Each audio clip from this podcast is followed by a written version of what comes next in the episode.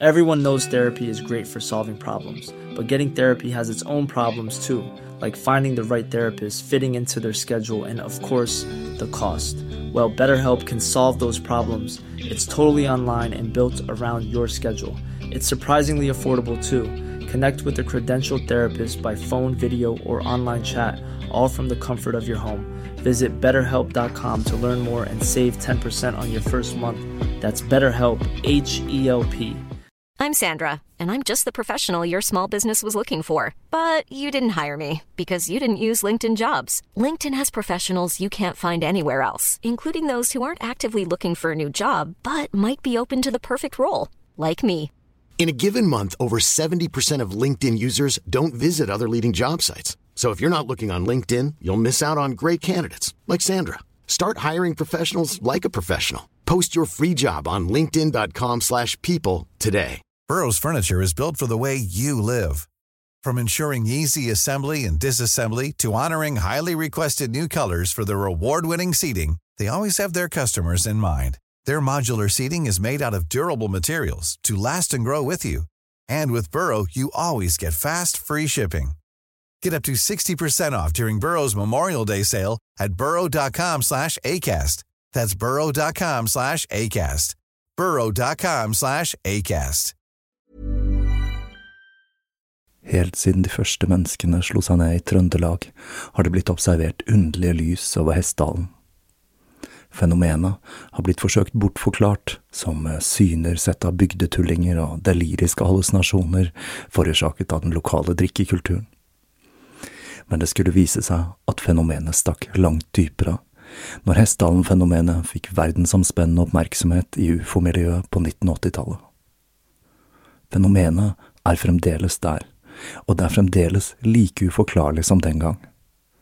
I 2024 kommer en podkastserie i seks deler produsert av Project Hessdalen, som kanskje en gang for alle skal finne svar på hva som rører seg på himmelen i denne bortgjemte dalen i Trøndelag.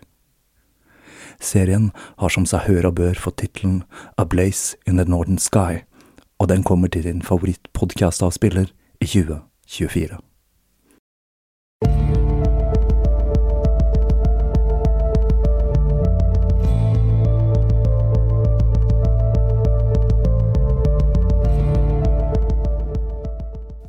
Hei og velkommen til Tåkeprat. Jeg heter Even, og når jeg tar opp denne episode 63, så er det da lørdag den 14. april 2018. Da har jeg faktisk endt opp med kun to episoder i denne serien. Jeg ble litt overrasket over dette selv, men jeg innså i arbeidet med denne episoden at dersom jeg skulle ha laget enda flere, så måtte det bli ved å ta med mer av Laveis filosofi og mange fikse ideer. For som dere skal se i denne delen, så er det en stor del av livet til LaVey som er hva vi kan kalle unndratt offentligheten. I motsetning til Alistair Crowley, hvor jeg da sikkert kunne ha laget én episode for hvert eneste år han levde, så trakk Anton LaVey seg etter hvert tilbake fra samfunnet og offentligheten, og da syslet med sine egne ting. Og siden det er historien og ikke filosofien som er fokus i denne serien, så har jeg valgt å kun lage to episoder som da tar for seg livet til denne mannen. Det er blitt eh, mye satanisme på meg i de siste to ukene, og jeg må jo si at det er én ting jeg setter veldig pris på med LaVey og Church of Satan, og det er humoren. Det er da et eller annet jeg finner utrolig morsomt med satanisk humor, og da spesielt deres krumspring i USA, hvor man da har så mange ekstreme kristne menigheter. Et eksempel på dette er da The Satanic Temple reiste en Baphomet-statue i Detroit i 2015, som da et svar på et kontroversielt monument med de ti bud som ble reist i Oklahoma State Capitol, som da vakte en del harme med tanke på separeringen mellom kirke og stat. Baphomet-statuen var da altså et svar på tiltale. Religionsfrihet må da gjelde for alle, inkludert satanister. Og med det så tror jeg vi bare drar i gang historien fra der vi slapp sist, med Anton LaVey i sitt svartmalte hus i San Francisco.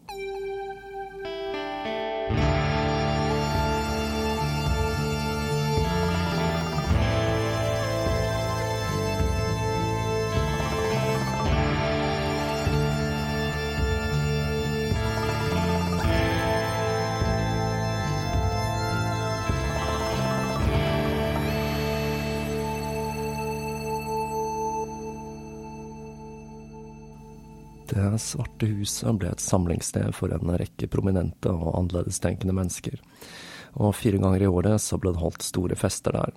Det var da valborgsnatt, halloween, nyttår og midtsommer. Og av ryktet hans som en svart magiker, så begynte han også å holde ritualer for å underholde gjestene sine. Disse ritualene var annet basert på gamle beskrivelser av svarte messer, og hadde en undertone av både humor og blasfemi.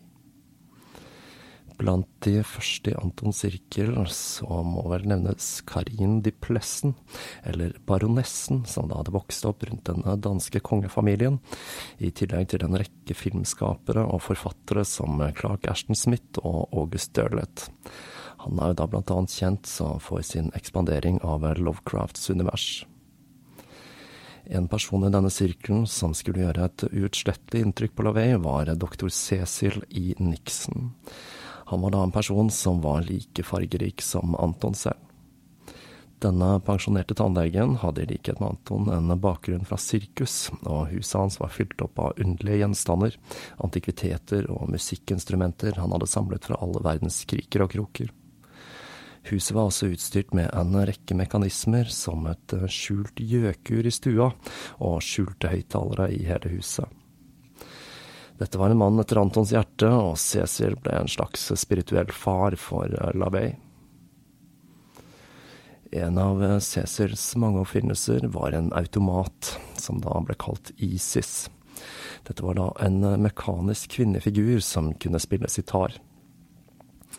Og denne automaten var nok med på å inspirere Anton når han senere skulle lansere sine ideer om da kunstige mennesker. Mens eh, Anton arbeidet med å utvide omgangskretsen, så fortsatte han å ta spillejobber et par ganger i uka. Og en søndag kveld i 1959 eh, kom enda en blondine inn i hans liv. Da i forbindelse med en av spillejobbene han eh, utførte, så møtte han da den 17-årige Diane. Det er hun den sataniske bibelen er dedikert til. I løpet av de neste månedene så brukte de to all ledig tid sammen og nå fikk Lavey virkelig bruk for alle de hemmelige gangene i huset. Han smuglet nemlig sin nye inn via husets mange hemmelige ganger. Dette førte da til Laveys skilsmisse fra Carol i slutten av 1960. Sammen fikk de to Laveys andre datter, Sina Galatea Lavey, den 19. november 1963. Diane overtok nå rollen som vertinne på samlingen i huset, og Anton begynte nå også å formalisere forelesningene sine, og åpnet de for offentligheten med en billettpris på 2,5 dollar per person. Disse forelesningene dekket en rekke forskjellige emner, fra det okkulte til vampyrisme, freaks, tortur, sex, hjemsøkinger, ESP og zombier og forelesningene ble som regel illustrert på en eller annen måte. Som når han foreleste om svarte messer, så arrangerte han da en faktisk svart messe han selv hadde konstruert. Disse forelesningene høres jo mistenkelig ut som denne podcasten, da. Svarte messer, det er jo noe vi har vært borti her en rekke ganger tidligere. De er jo da parodier på nattverden, og disse skiller seg fra de senere sataniske ritualene til Church of Satan, som da er basert på Anton Laveys magiske systemer. Og her finner vi da en fortelling jeg tipper må være en røverhistorie. For eh, under en forelesning om kannibalisme og menneskeofring, så ble det visstnok da servert langgris, eller puaka balava, som man sier på Papua Ny-Guinea. Her skulle da visstnok en lege fra Berkeley ha bidratt med låret til en ung hvit kvinne, som da ble servert med friterte bananer og søtpotet. Mediene begynte også å fatte interesse for aktiviteten i dette huset, og det ble skrevet flere artikler om Lavey og hans mange underlige foredrag hvor han da utforsket mørke tema. Livet til leoparden Sultan det fikk en brå slutt da den ble påkjørt den 4. juli. Med et tungt hjerte så begravet Lavey eh, denne katten han pakket inn i jakken sin i bakgården.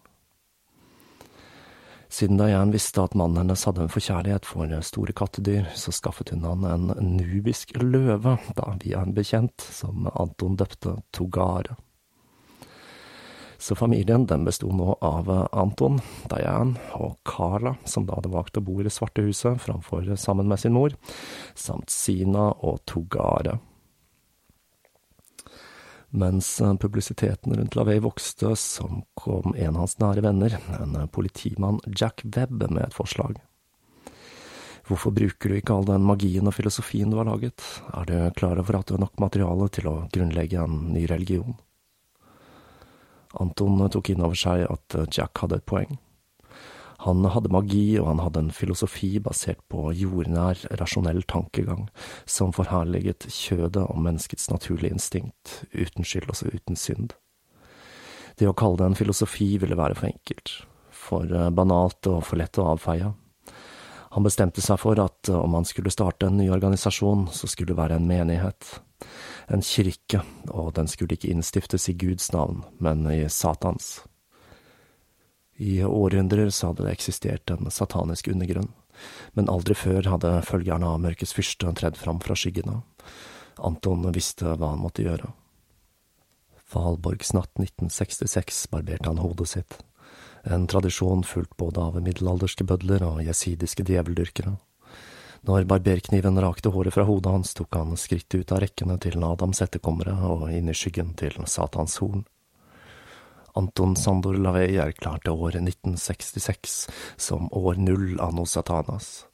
Flammenes tidsalder på jorden var begynt.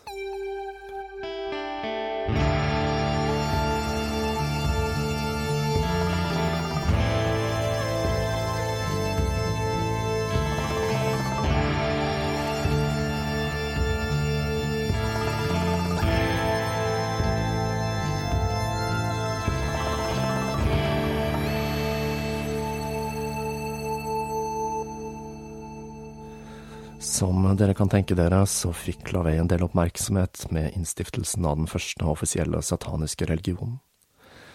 En serie med hendelser skulle fange pressen og offentlighetens oppmerksomhet i perioden som fulgte. Den første hendelsen var et bryllup den 1. februar 1967 mellom John Raymond, en radikal journalist, og Judith Case, som var datteren til en prominent advokat.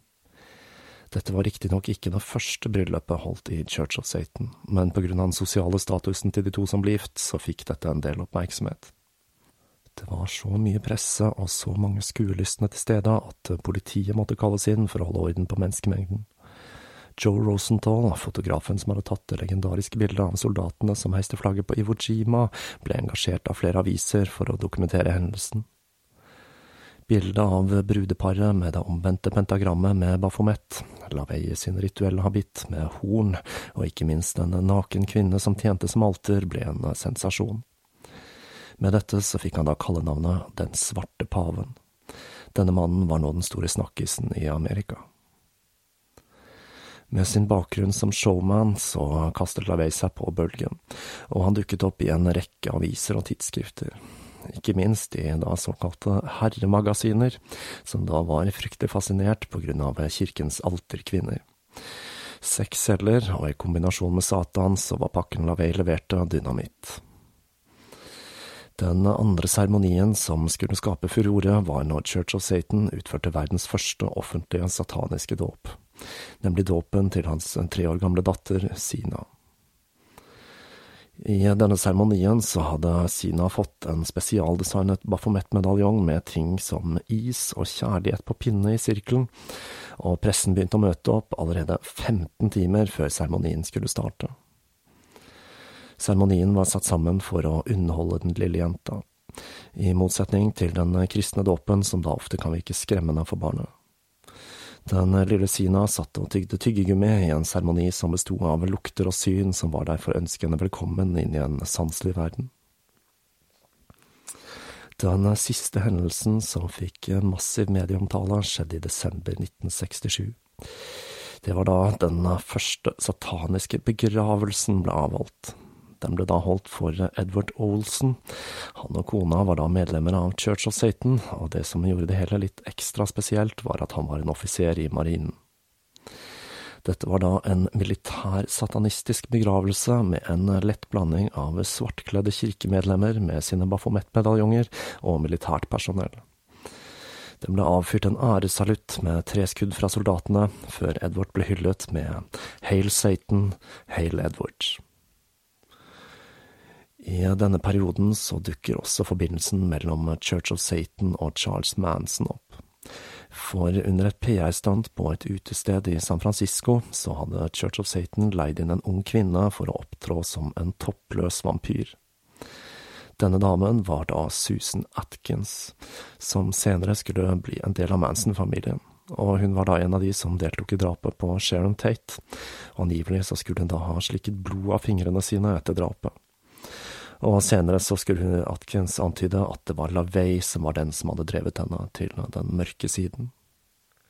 Church of Satan fortsatte å utføre en rekke ritualer, og LaVey fortsatte med sine foredrag. Når den første offisielle sataniske liturgien, den sataniske bibelen, ble publisert i 1967, så kunne Church of Satan skilte med mer enn 10 000 medlemmer på verdensbasis. Denne boka, som da ble gitt ut i paperback i første utgave, har en nesten ikonisk status, og den er sikkert kjent for mange av dere som hører på. Det er vel ikke helt usannsynlig at du finner den i hylla på Outland, for å si det sånn. I denne boka så systematiserer LaVey sin filosofi og sitt magiske system, og dette er da en lettlest og grei innføring i Church of Satan, og da det tidlige tankegodset til LaVey. Og ikke minst så er jo dette en bok man nesten bare må ha i hylla, da. Her ser vi også at eh, systemet LaVey hadde utviklet, beveget seg bort fra de svarte messene som preget den første delen av ritualene til Church of Satan, og fokuset det var nå på riter som var ment å skulle oppfylle deltakernes juridiske begjær. Og her er det vel på sin plass å kommentere bruken av nakne damer som alter i Church of Satan. For i Laveis sine systemer så er dette et element som er der for å hjelpe til med å fokusere energien til begjæret til deltakerne i ritualene. Og nå dukker en svært interessant figur opp i fortellingen. Og du kan kanskje gjette, det er da selvsagt enda en blondine. Og denne gangen så var det ingen hvem som helst. Det var eh, Jane Mansfield, som da var en skuespillerinne og et sexsymbol som av mange ble sett på som en etterfølger av Marilyn Monroe. Hun var da kjent for sine dristige offentlige stunt og sin ekshibisjonisme, og hun ble blant annet omtalt som dronningen av utringninger.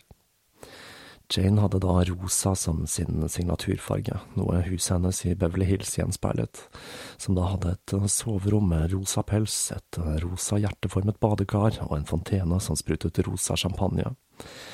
Hun ble også sagt å ha oppfunnet rosa journalistikken, noe som da må være forgjengeren til rosa blogging, altså.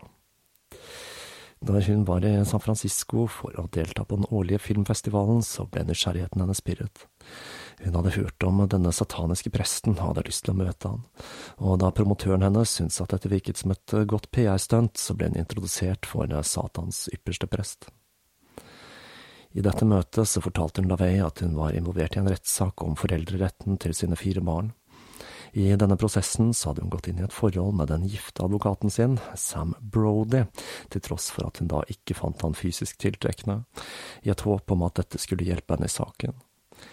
Men hun hadde raskt angret dette forholdet, da det skulle vise seg at Brody var svært sjalu og eiesyk, og han brukte saken for å dra henne dypere inn i affæren mellom de to. Jane spurte LaVey om han kunne kaste en forbannelse på eksmannen slik at hun vant saken, og slik historien går, så var det akkurat det som skjedde. Og med det så ble Jane et medlem av Church of Satan. Hun fikk til og med spesiallaget en egen rosa Baphomet-medaljong som hun bar på filmfestivalen men dette falt da ikke god jord hos Brody, som ble svært sjalu på forholdet som begynte å utvikle seg mellom Anton og Jane. Etter hvert så flyttet Jane da inn i Det svarte huset, og selv om Diane gjorde sitt ytterste for å akseptere den nye livssituasjonen, så satt hun alltid med ryggen til når Jane var til stede. Som LaVey selv sa, Diane forsto så godt som noen at jeg er ypperste presten i Church of Satan og ingen søndagsskolelærer for det skal da ha vært en ganske forrykende affære mellom LaVey og Jane. Men forholdet skulle etter hvert utvikle seg til å bli slitsomt for LaVey, for hun begynte å behandle han mer og mer som sin personlige svarte magiker. Hun ville nemlig ikke delta i de offentlige ritualene, men krevde at LaVey skulle utføre private seremonier for henne alene, og samtidig så ble truslene fra Brody grovere. Da han ikke vant fram med trusler mot Jane, så bestemte han seg for å gå løs på LaVey selv. En kveld så dukket han opp med to biler fulle av uteliggere, som han da hadde fortalt at det var en fest med gratis mat og drikke i Det svarte huset, og ikke minst at de ville ha muligheten til å møte sexsymbolet Jane Mansfield. LaVey forsøkte å jage ut de uinviterte gjestene, men da forsamlingen ikke ville høre på at det ikke var noen fest der, og nektet å gå, selv etter trusler fra LaVey, så valgte han da å ringe politiet, hvor han hadde en rekke personlige bekjente, framfor å hente Togare. En løve må jo være en god måte å bli kvitt uønskede gjester på, altså. Politiet de rykket ut og fikk fjernet den feststemte forsamlingen. Det hele toppet seg i januar 1967, når Jane hadde låst seg inne på badet, hvorfra hun ringte LaVey og tagg om hjelp mens Brody hamret på døren og skrek. Når han til slutt klarte å bryte seg inn på badet, så grep han telefonrøret og skjelte ut LaVey. Og med det så startet eh, en av de mest legendariske forbannelsene til Lavey, som jeg da nesten må ta med her. For han gjennomførte et ritual for å ta livet av Brody, og han advarte Jane om at eh, så lenge hun var i nærheten av hans, så sto hun selv i fare for å bli rammet av forbannelsen. Like etter klokka to natt til den 29. juni 1967 ble Jane Mansfield kjørt i en bil av den 24-årige Ronny Harrison sammen med Sam Brody etter hun hadde opptrådt på nattklubben til Ronnys far i Mississippi. I baksetet så sov hennes tre barn. Ronny sto på gassen i et forsøk på å komme fort frem. De så ikke tankbilen som krøp seg framover mens den sprayet en sky av insektmiddel. Før Ronny rakk å reagere, så pløyet bilen inn i lastebilen, og hele toppen på bilen til Ronny ble skrelt av. Ronny, Jane og Brody døde momentant, mens barna overlevde. Tidspunktet for dødsfallet til Jane Mansfield ble fastsatt til klokka 02.25. Den påfølgende fredagen så holdt LaVey en privat minnestund for Jane. Like før seremonien skulle starte, så begynte lysene i rommet å blinke som om elektrisitetsnettet var overbelastet da han sverget at en av pærene glødet i hjerteform. Jane har i dag en stjerne i Hollywood Walk of Fame, og bilen fra den fatale natten står i dag utstilt på Daily Departed Tours and Artifacts Museum i Hollywood.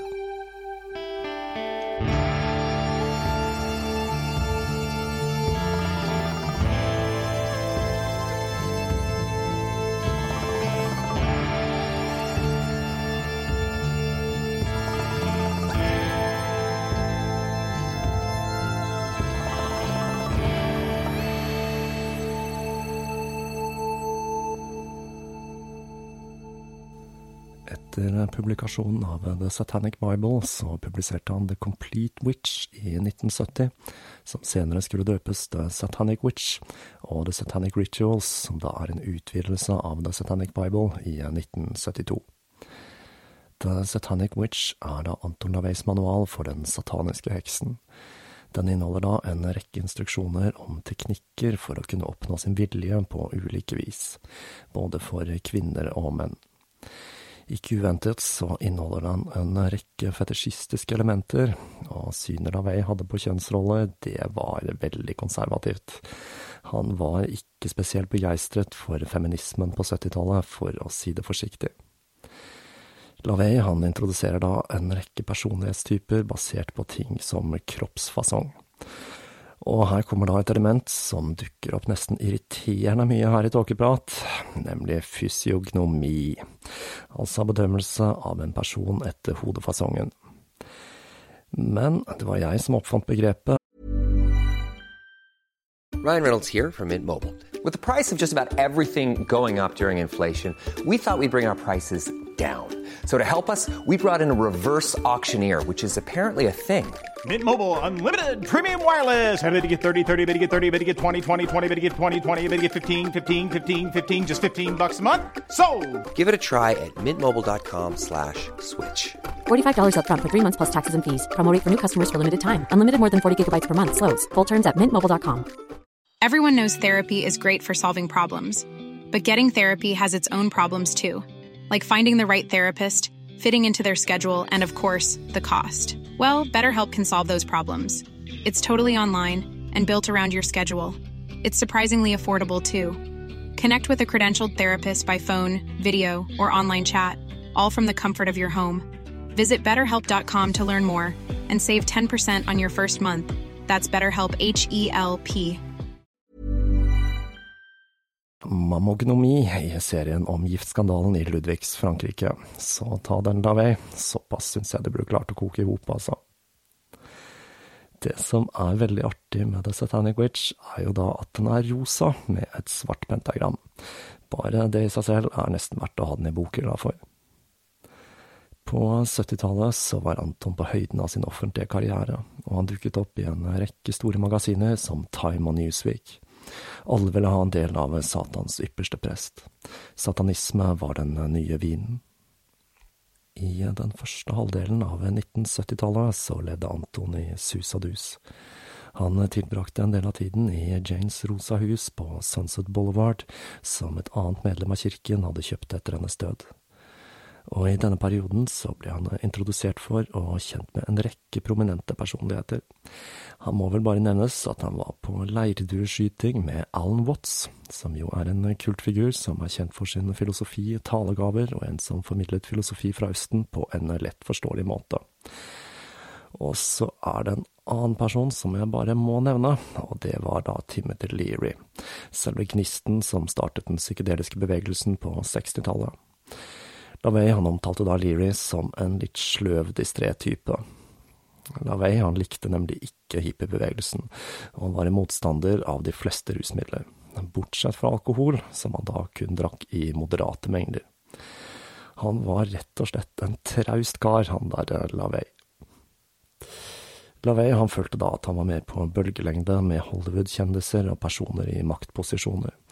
Han følte seg mer og mer fremmedgjort overfor ordinære mennesker som han ikke kunne relatere seg til. Medlemskapet i Church of Satan økte jevnt og trutt, og LaVey han besøkte de forskjellige grottene når han var ute og reiste, men han følte det hele begynte å bli litt eh, flaut etter hvert, for når han kom av flyet, så ble han da gjerne tatt imot av en gruppe mennesker i svarte kapper, bafomettmedaljonger og med satanisk regalia. Han så da på disse menneskene som personer som var satanister kun for sjokkverdien, og ikke omfavnet kjernen i filosofien hans. Selv så forsøkte han å tone det hele ned når han var i det offentlige, og han kledde seg gjerne i dress, riktignok da med medaljong, men forholdsvis konservativt, altså. Disse grottene, eller grottoene, det er da enklaver av satanister tilknyttet Church of Satan, litt som en sirkel eller coven, altså. Det hele begynte å gå an på nervene, og han hadde til enhver tid en skare av fans hengende rundt seg. Han hadde ønsket å samle mennesker som var spesielle og som skilte seg ut fra samfunnet, og ikke mennesker som oppsøkte Church of Satan for å skille seg ut. Flere hendelser markerte spiker i kista for Laveys tålmodighet. I Det svarte huset hadde han et deformert skjelett som han kalte Ruben. Dette havnet da på trykk i en artikkel, noe som førte til at dette ble konfiskert av helsemyndighetene. Laveys løve Togare ble også tatt fra han og plassert i dyrehagen i San Francisco etter naboene hadde klaget. Og ikke minst så viste det seg at det å distribuere adressen fritt og la pressen trykke den, ikke akkurat var en genistrek fra Lavey. For huset ble da ikke bare oppsøkt av fans, men også folk som var ute etter han og familien hans. En dag Sina kom hjem fra skolen, var det en mann foran inngangsdøren med en diger slaktekniv. Siden foreldrene hadde instruert henne om å gå til naboen om noe slikt skulle skje, så hendte det ingenting, men nok var det nok. LaVey begynte å omstrukturere driften av Church of Satan. Alle de offentlige seremoniene i Det svarte huset de ble stoppet i 1972, og i 1975, det samme året hans første kone Carol døde, så ble grottesystemet mer eller mindre avviklet. Anton LaVey planla å ta sin nye religion inn i hva han beskrev som den andre fasen. Den første fasen hadde bestått av blasfemiske, sataniske ritualer, men nå følte han at tiden var inne for å danne en ekte satanisk undergrunn og det var slutt på ritualer i det offentlige. Nå var målet å spre den sataniske filosofi til de individene som virkelig omfavnet dens innhold. Han erklærte at personer sin status i Church of Satan skulle reflektere statusen i den ytre verden. Altså, personer med mye makt, innflytelse og penger fikk høyere posisjoner. En som var av lav status i den virkelige verden, kunne ikke ta på seg den rituelle habitten og erklære seg med en fancy tittel i kirken lenger. Slik jeg forstår dette, så var en av tingene LaVey forsøkte å gjøre, å unngå å skape en kult. Han så at Church of Satan begynte å utvikle seg til en slags fritidsklubb, en forsamling det var tøft å være med i, og hvor han var lederskikkelsen. Dette stred imot hva han beskrev i sin filosofi. I ettertid så virker nok ikke dette som det dummeste han kunne gjøre, for det er jo ikke så fryktelig vanskelig å forestille seg at Church of Satan lett kunne ha utviklet seg til en Anton LaVey-kult. Og når han snakker om kult, så er det jo da bare å anbefale Netflix sin Wild Wild Country, som da dekker kulten til Bhagwan Shri Rainesh, eller Osho. Jeg har jo så vidt vært inne på denne kulten i Den usynlige fienden, og denne serien imponerer med mengden klipp og intervjuer de har funnet fram i de seks delene, og den gir et innblikk i hvordan denne kulten utvikler seg fra sin begynnelse i India. Med omorganiseringen av kirken så begynte også den sakte tilbaketrekningen fra samfunnet for Anton Lavey. Han ble langt mer kritisk til hvem han stilte opp til intervju med, og ikke minst hvem han omgikk. Det var i denne perioden at en rekke grupper som fremdeles ønsket å utføre grupperitualer, skilte seg ut fra Church of Satan, med navn som Order of the Black Ram, Shrine of the Little Mother, Order of Baal og mange, mange flere. Enkelte de videreutviklet filosofien og de magiske ritene, og består den dag i dag, mens andre forsvant etter kort tid. Med åttitallet så skulle Lavey trekke seg tilbake fra samfunnet. Det er en epoke vi vel kan si varte livet ut, med svært liten kontakt med verken media eller omverdenen generelt. I Det svarte huset levde han en nattlig tilværelse der han dyrket sine ulike og til tider svært sære interesser, litt som en virkelighetens vampyr der, altså. I tillegg til å skrive og jobbe med å videreutvikle filosofien sin, så fortsatte han å utvide samlingen sin med obskure bøker, film og antikviteter. En av hans bedre kvaliteter var at han var en arg motstander av TV, og mente at den utstrakte TV-tittingen gjorde mennesker til tankeløse forbrukere. En av hans mer underlige besettelser var ideen om kunstige mennesker. Han mente da at man i fremtiden ville kunne erstatte mennesker med kunstige vesener, som for eksempel sexroboter. Han bygde da en bar i kjelleren på Det svarte huset, med bisarre mannekenger han formet til selv. I denne underlige baren, komplett med jukeboks, pinballmaskiner og Hammond-orgel, tilbrakte han mye tid blant sine sjelløse venner. Denne merksnodige baren fikk besøkende til å føle et visst ubehag med sin merkelige, fetisjistiske framtoning. I 1984, etter 24 år sammen, så brøt Diane all kontakt med Lavey. Hun kom med beskyldninger om misbruk og vold, og forsøkte å få han til å selge huset og eiendelene, slik at hun kunne få sin del. Det samme året så møtte han den 25-årige blondinen Blanche Barton, halve alderen til Lavey, altså. Blanche skulle da få bli hans partner i den siste perioden av livet til Lavey. Og det er fra henne vi har alle detaljene om hva som foregikk i denne perioden. Hun var da rett og slett et fan av Lavey og arbeidet hans, og de to fant umiddelbart tonen. I 1985 så flyttet Carla, som var bosatt i Amsterdam, tilbake til Statene, både for å ta hånd om noen forretninger og for å støtte sin far i den vanskelige prosessen med søksmålene fra Diane. Hun flyttet da riktignok ikke tilbake til Det sorte huset før året Lavey døde, men Lavey og Blanche besøkte henne i leiligheten ukentlig, og far og datter var på god fot med hverandre. På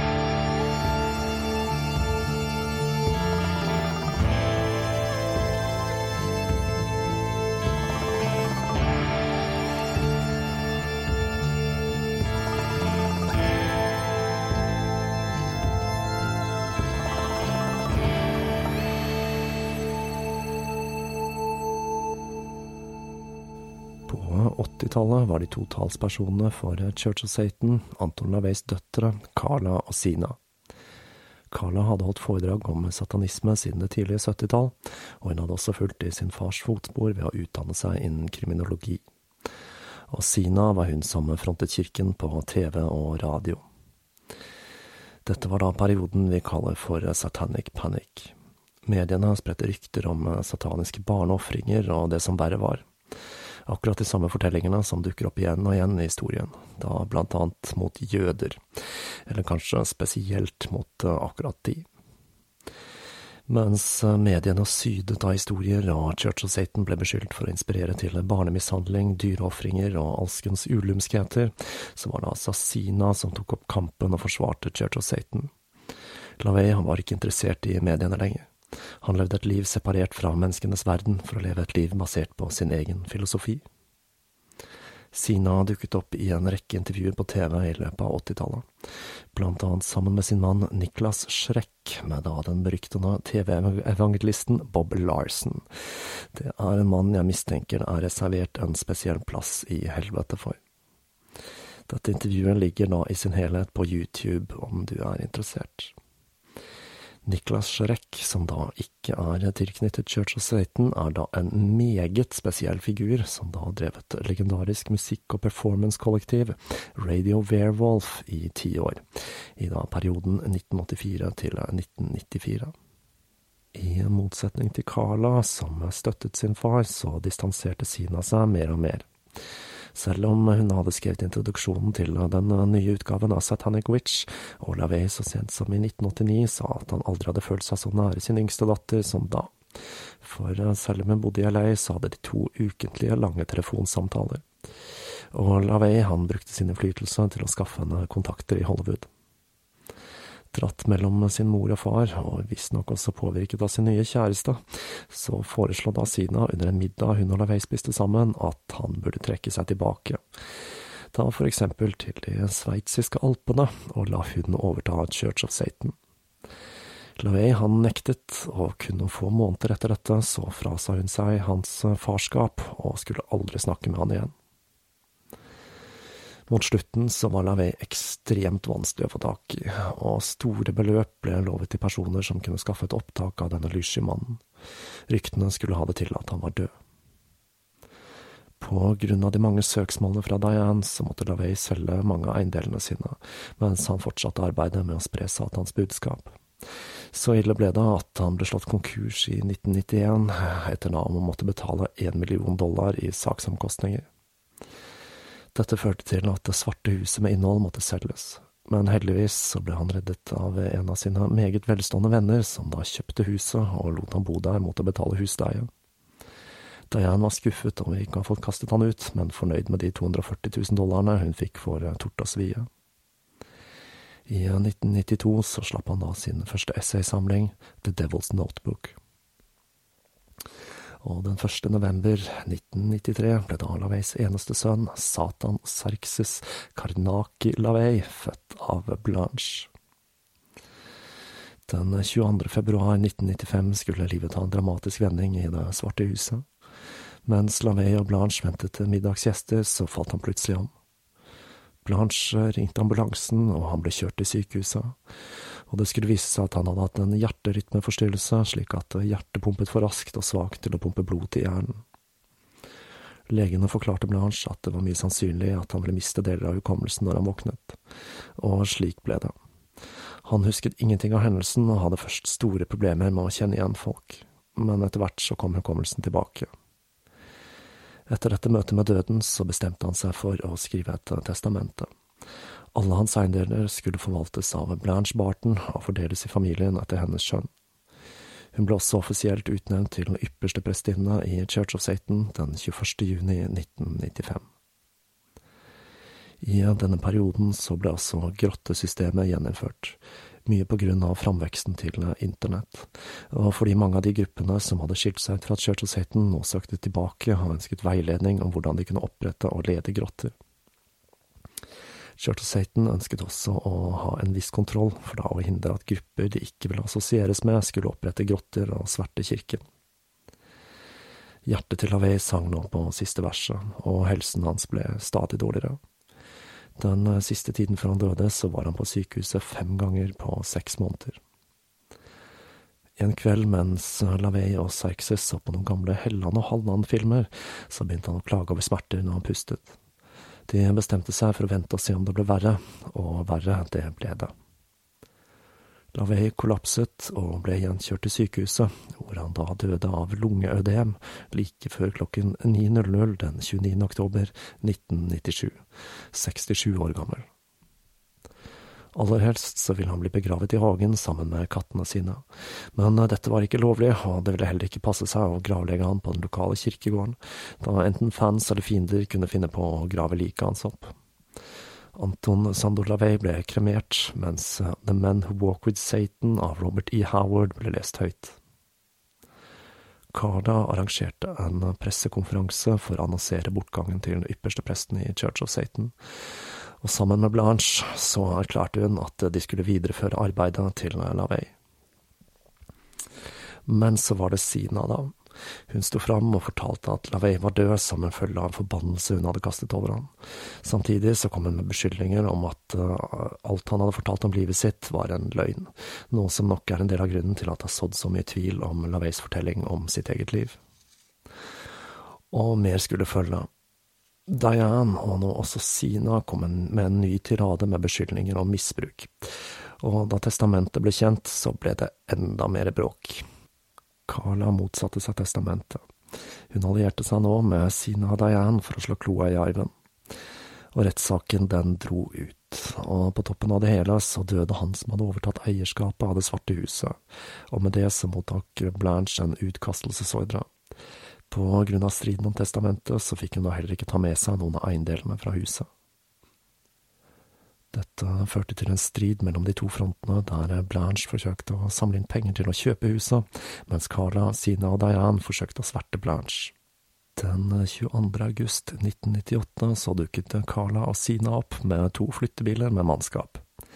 De rasket med seg alt av verdi i huset, og de slo til og med ut veggen i Laveis bar med kunstige mennesker, for da å få med seg pinballmaskiner, jukebox og Hammond-orgel. Huset ble så rasert at det var ikke lenger mulig for Blanche og sønnen å bo der. Diane tok steget videre, og i 2000 så hevdet hun at det var hun som hadde skrevet den sataniske bibelen. Hun hadde nemlig fått 10% av inntektene fra salget fordi hun hadde vært med å redigere den, men disse 10% skulle opphøre ved Laveis død men nå ville hun da altså at utbetalingene skulle vare livet ut, men denne saken ble til slutt avvist. Under denne rettssaken så innså Carla at Diane nok hadde dratt strikken litt langt, og Blanche og Carla begravet stridsøksen, selv om de to aldri har snakket sammen igjen siden det. Blanche var overhodet for Church of Satan fram til Peter Gilmore, et svært betrodd medlem og personlig venn av LaVey, overtok som leder i 2001, og året etter ble hans kone Peggy Nadramia utnevnt til ypperste prestinne. Det svarte huset, som hadde vært samlingspunktet og fødestedet til den første sataniske religionen, ble revet i oktober 2001 for å gjøre plass til et leilighetskompleks.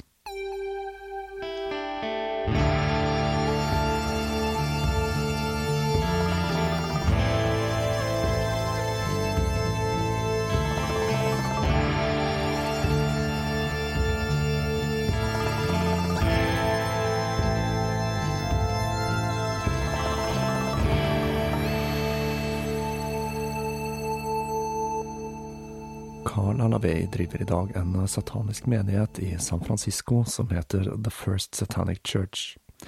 Denne sataniske gruppen driver da utrolig nok en offline-organisasjon, og de har kun medlemskontakt via brev eller personlig oppmøte, noe som sikkert hennes tilbaketrukne far ville satt pris på. I tillegg så driver hun et ukentlig radioprogram og er en satanisk eventarrangør i San Francisco-området. Så om du skulle befinne deg der, så er det da mulig å delta på ting som sataniske julefeiringer, altså. Etter å ha tatt avstand fra Church of Satan, så fant Sina en ny religion i setisme, i The Temple of Set. Denne gruppen ble da dannet av Michael Aquinto i 1975, når han skilte lag med Church of Satan da han ikke likte retningen Lavey tok.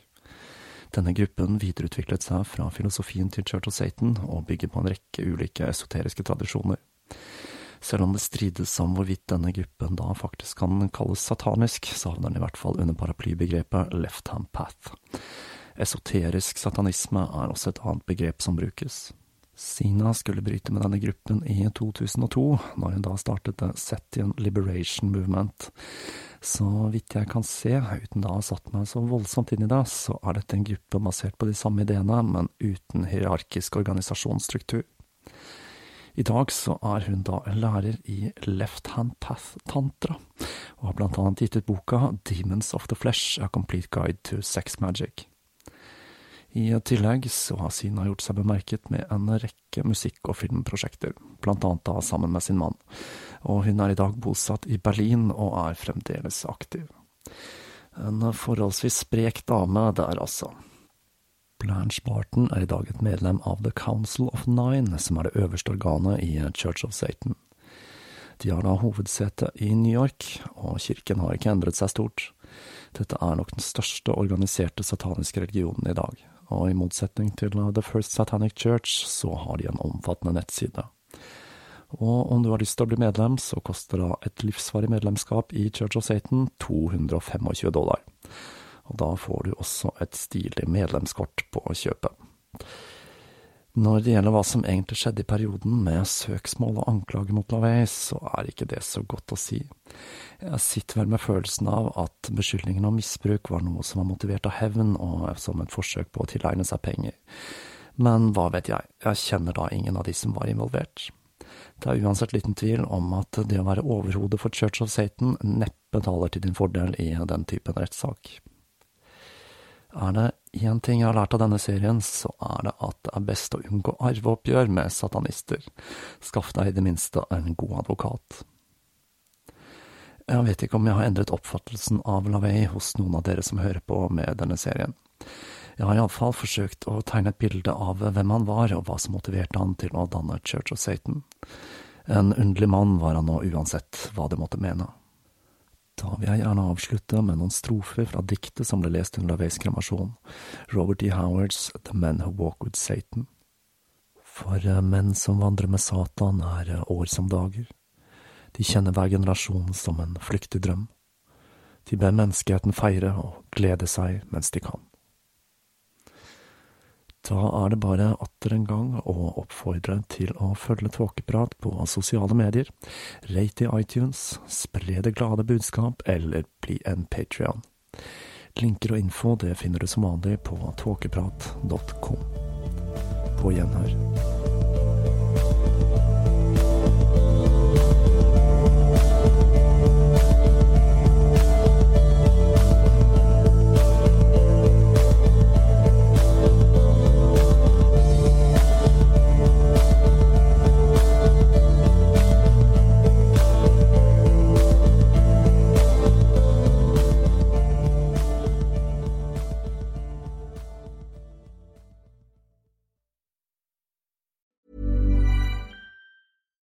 It's Paige DeSorbo from Giggly Squad. High quality fashion without the price tag. Say hello to Quince. I'm snagging high-end essentials like cozy cashmere sweaters, sleek leather jackets, fine jewelry, and so much more. With Quince being 50 to 80% less than similar brands. And they partner with factories that prioritize safe, ethical, and responsible manufacturing. I love that. Luxury quality within reach. Go to quince.com slash style to get free shipping and 365 day returns on your next order. Quince.com slash style.